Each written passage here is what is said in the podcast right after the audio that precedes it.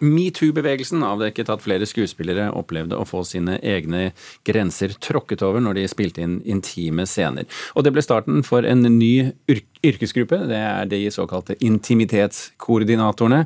De skal sørge for at intime scener gjennomføres på en forsvarlig og trygg måte.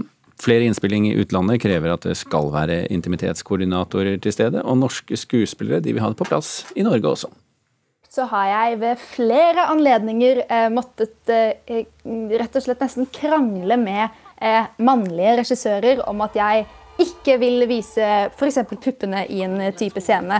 Thea Loch-Nes er skuespiller. Hun går inn i ulike roller og forteller historier på film og i serier. Hun gjør feil. Det her kommer til å gå bra, ok? En arbeidsdag for henne kan innebære kyssing, nakenhet og intime scener. 24-åringen har selv opplevd at det er vanskelig å si fra når enkelte scener har vært krevende for henne. Hvor jeg har da vært så ung som typ 18 år eh, og følt meg så dum og så flau for at jeg, jeg må liksom eh, gå til en maktperson som har gitt meg en jobb og si 'å nei, jeg vil ikke', og da oppleve å ikke bli tatt imot. Derfor mener hun at det må være intimitetskoordinatorer på innspillinger. Det er ikke bare en belastning for meg som skuespiller, men det er også for regissører. Det å da skulle ha regi på to mennesker og be dem gjøre intime ting. Det kan jo også være uh, Noen regissører er kjempegode på det, og andre ikke. Så det å da få til en tredje person som på en måte er et slags sånn mellomledd, da, Eh, er kjempetrygt. Men når man begynner kjenne at oh, det her går over min grense, det her kjennes ikke bra. Malin Eriksson er nettopp den tredjeparten som Nes snakker om. Hun er en av Nordens første intimitetskoordinatorer. Da behøver vi bakke og se at oi, hva kan vi gjøre i stedet? Hvordan kan vi gjøre denne scenen på et sett så alle kjenner seg bekvemme, og vi beretter fortsatt samme historie? Eriksson bruker stuntkoordinatorer som eksempel for å forklare hva jobben hennes går ut på. Precis på samma sätt gör jag när jag jobbar med intima scener. Eh, och det har med intimitet, simulerat sexscener, eh, nakenhet, eh, också eh, sexuellt våldsscener som har sexuellt innehåll. Eh, till exempel voldtekter. Intimitetskoordinatoren forteller at det ikke mangler på jobbtilbud for henne, også fra Norge. Hun mener mye har endret seg i filmbransjen etter metoo-bevegelsen. Og sen vi ser også at det her er en arbetsplats. Det er skådespelarnas og regissörernas arbetsplats og alle andre rundt omkring. Kostymedramaet Bridgerton er en av strømmegiganten Netflix sine store suksesser. Det ble senere kjent at det var intimitetskoordinatorer på innspillingen for å tilrettelegge for de mange sexscenene i serien. Også seriene Normal People og Sex Education har fått bistand fra intimitetskoordinatorer. Altså intimitetskoordinator. Det har jeg aldri hørt om. Og hvis noen hadde tilbudt meg det, så hadde jeg nok tatt det som en fornærmelse. Dette er Erik Poppe. Han er regissøren bak storfilmer som Kongens nei og De usynlige. Så hvis jeg skulle slippe til en koordinator på settet for å løse det, eller for å forklare mine skuespillere hvordan dette kan eller bør løses, så ville jeg nok sannsynligvis ha trengt en koordinator for fryktelig mye annet også. Poppe sier hans viktigste jobb som regissør er å skape tillit og trygghet hos skuespillerne han jobber med. Derfor mener han at intimitetskoordinatorer ikke er nødvendige på settet. Altså Man må som skuespiller kunne forvente og kreve at en regissør kan håndtere kunsten og gestalte intimitet foran et kamera. Thea Loch-Nes er sikker på at intimitetskoordinatorer vil være til det beste for skuespillerne og at det også vil heve kvaliteten på filmen eller serien. Og Samtidig så vet man at skuespillerne hele veien har følt seg trygge og komfortable, og at de er med på det. At sånn helhetsopplevelsen for både eh, publikum og skuespillere er bare bedre. Og Det var eh, skuespiller Thea Sofie Loknes du hørte til slutt, og reporter det var Munever Gillis. Agnes Moxnes, kulturkommentator. Har hun rett, skuespilleren som sier at det blir bare bedre med en intimitetskoordinator?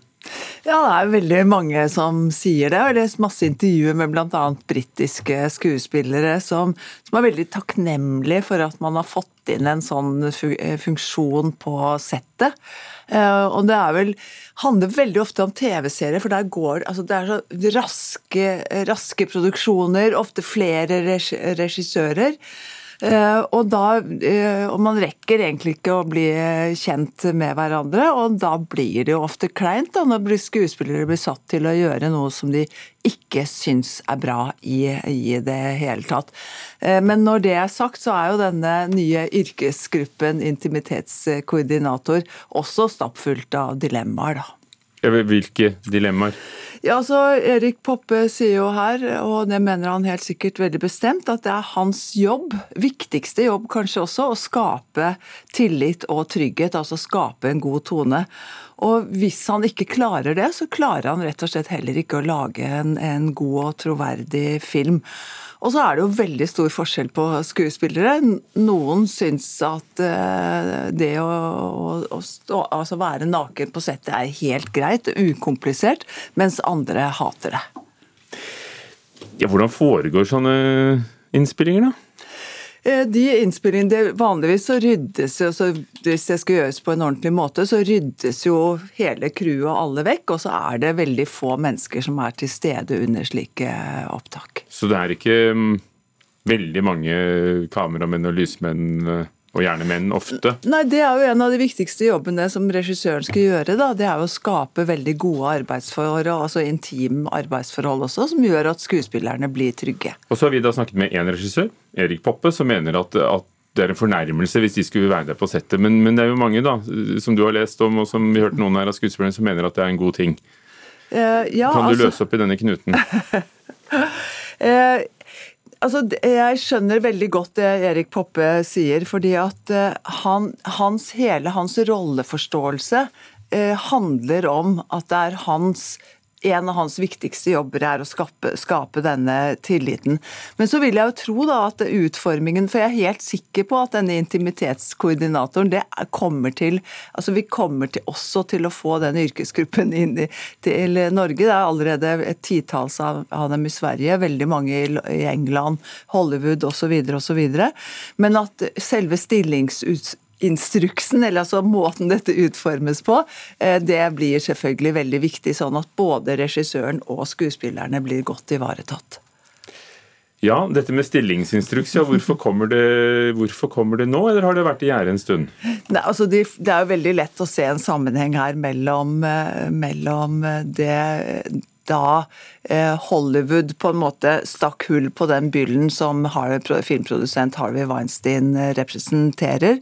Da tøt det jo ut eh, massevis av ulekre historier som ble offentlig kjent. Alle visste jo hva som foregikk, men så er det altså sånn at det er råstoffet for å få til film og, TV og teater. Det er unge mennesker som er sultne på jobb og, og karriere. Og når det å si nei, eh, eller si ifra når det oppsto ubehagelige situasjoner, betydde at du måtte forlate en karriere før den, før den startet, eh, så må man jo så si at en, en intimitetskoordinator, eller altså da de nå har fått en medsammensvorne da, i en intimitetskoordinator kommentator. Agnes Moxnes, takk. Nå har fans av TV-serien Friends i årevis vært opptatt av å få se den gamle gjengen samlet igjen. Friends Reunion har vært en lenge etterlengtet hendelse, og det tok enda lengre tid enn ventet også fordi ja, pandemien. Men i går fikk vi de første bildene. Oh my god. Here we go. Where's the tissue box? The cost of Friends.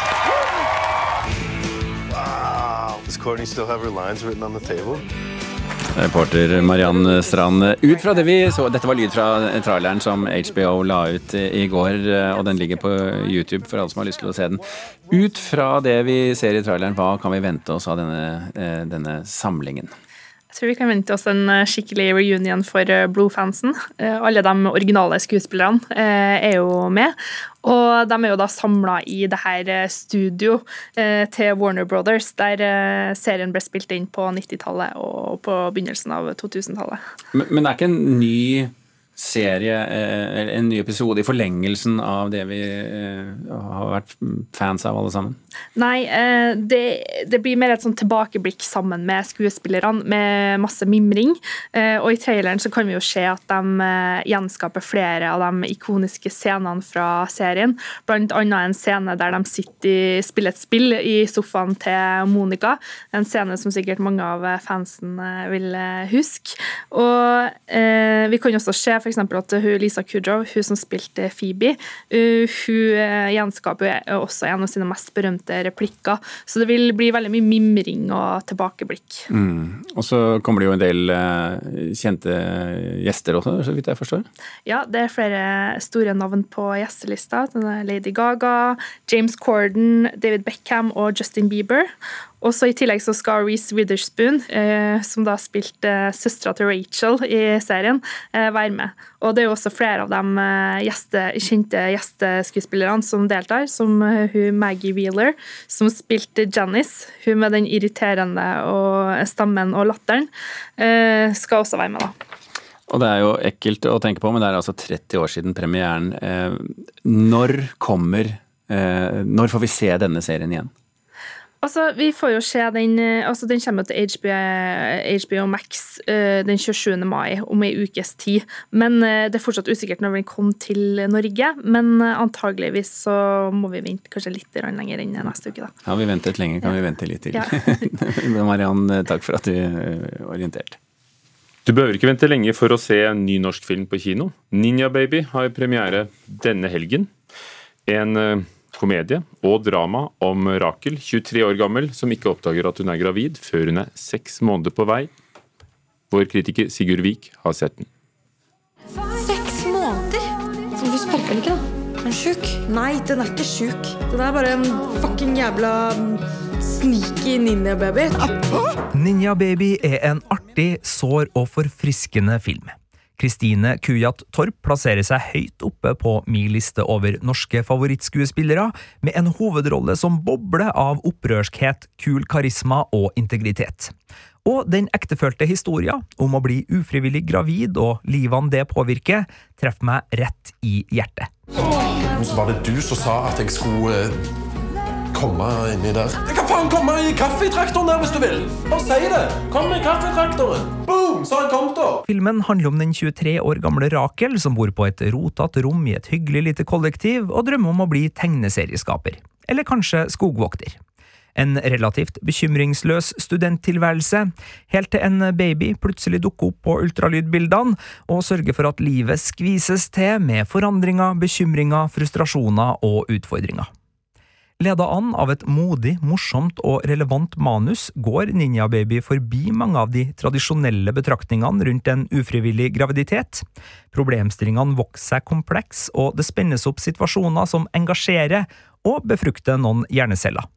Dette gjøres uten at filmen mister sin litt fomlete sjarm, sin rå humor og sine hjertevarme tråder av vennskap og kjærlighet. Så vet jeg at du er gravid, da. Det er ikke det første jeg tenker på når jeg ser deg. Det første jeg tenker på, er alltid 'fy faen, så pen hun er'. Regissør Ingvild Sve Flikke lykkes med et smart formspråk som kombinerer stemningsfull realisme med fiffig bruk av animerte fortellergrep.